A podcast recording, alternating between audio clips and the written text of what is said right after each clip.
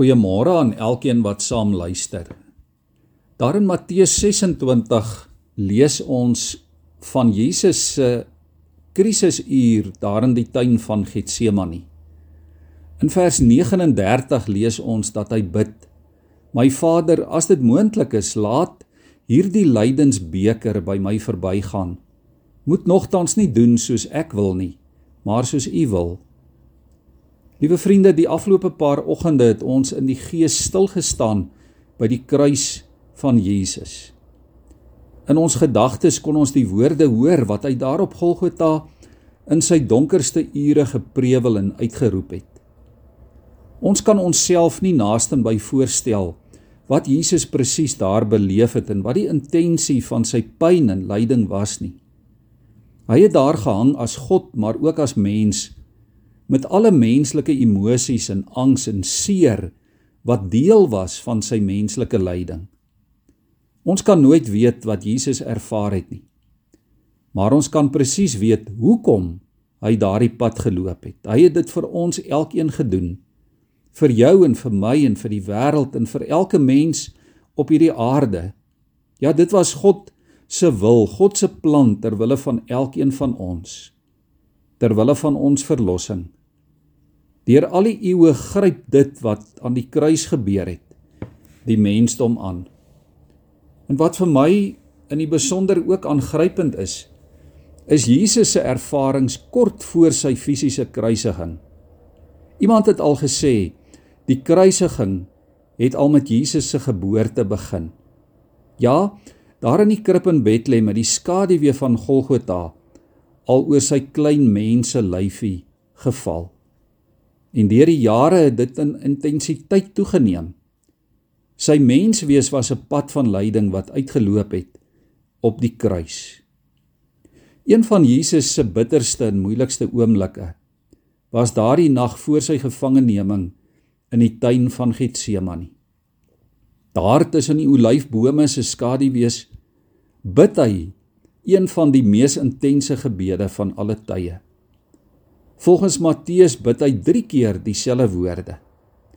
Soos 'n seun wat ernstig op sy knieë voor sy pa pleit, omdat hy self waarlik God is, het hy geweet wat op hom wag.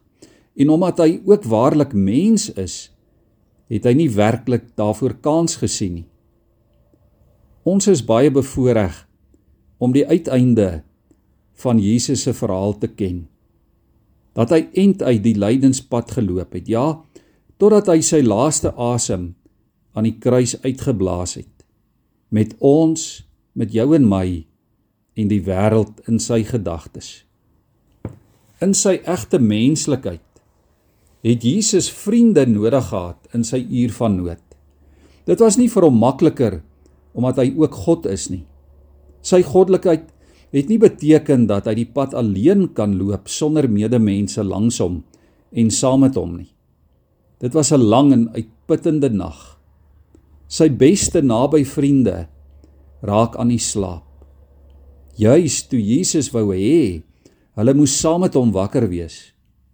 Soos wat hy self gesê het, die gees is gewillig, maar die vlees is swak. Uit hierdie gebeurtenis daardie nag in die tuin van Getsemane, in Jesus se grootste krisisuur, leer jy en ek iets van hoe ons mekaar nodig het in tye van nood. As ons maar ver oggend net iets begryp van Jesus se intense lyding destyds, dan laat dit ons ook met ander oë na mekaar en na medemense kyk. Ja, dan word mense se pyn ook ons pyn. Dit kom kruip onder ons velle in. Dan kan ons onsself nie blind hou as ander rondom ons seer het nie. En dit beteken enige vorm van seer. Siekte, hartseer, gebroke verhoudings, fisiese omstandighede, emosionele onsekerheid, bekommernis en vele meer. Dit beteken ons het mekaar nodig en ander het ons nodig in tye van nood. Jesus was alleen sodat jy en ek en mense in nood nooit alleen hoef te wees nie. Ja, hy was van God en mense verlaat, sodat jy en ek en die mensdom die teenwoordigheid van God en van medemense in ons grootste nood kan ervaar. Liewe vriende, daar is vandag baie nood in ons wêreld. Die mensdom in ons wêreld is stikkend. Ons aarde is in 'n uur van krisis en elende. Dit is asof die mensdom nog steeds slaap terwyl die seun van God roep en bid. Mense leef steeds by hom en by mekaar verby. Vandag op die 13de April 2022 leef miljoene mense so slaapwandelaars in 'n Getsemane uur. En daarom is dit nodig en belangrik dat jy en ek ook in hierdie Paastyd Jesus se woorde in vers 46 van Lukas 26 hoor. Waarom slaap julle? Staan op en bid sodat julle nie in versoeking kom nie. Dit is woorde en 'n oproep en 'n herinnering van ons beste vriend dat ons sal bid vir mekaar, vir ander en vir die wêreld in nood. Bid vandag vir jou vriende. Ja, vir die wat jy dalk goed ken of wat jy dalk dink dat jy hulle ken en ook vir die wat jy glad nie ken nie. Kom ons bid saam. Here, ons bely vanmôre dat ons dikwels so swak is in gebed. Ja Here, dat ons insluimer. Dat ons dikwels vas aan U slaap raak. Here, dat ons U vergeet.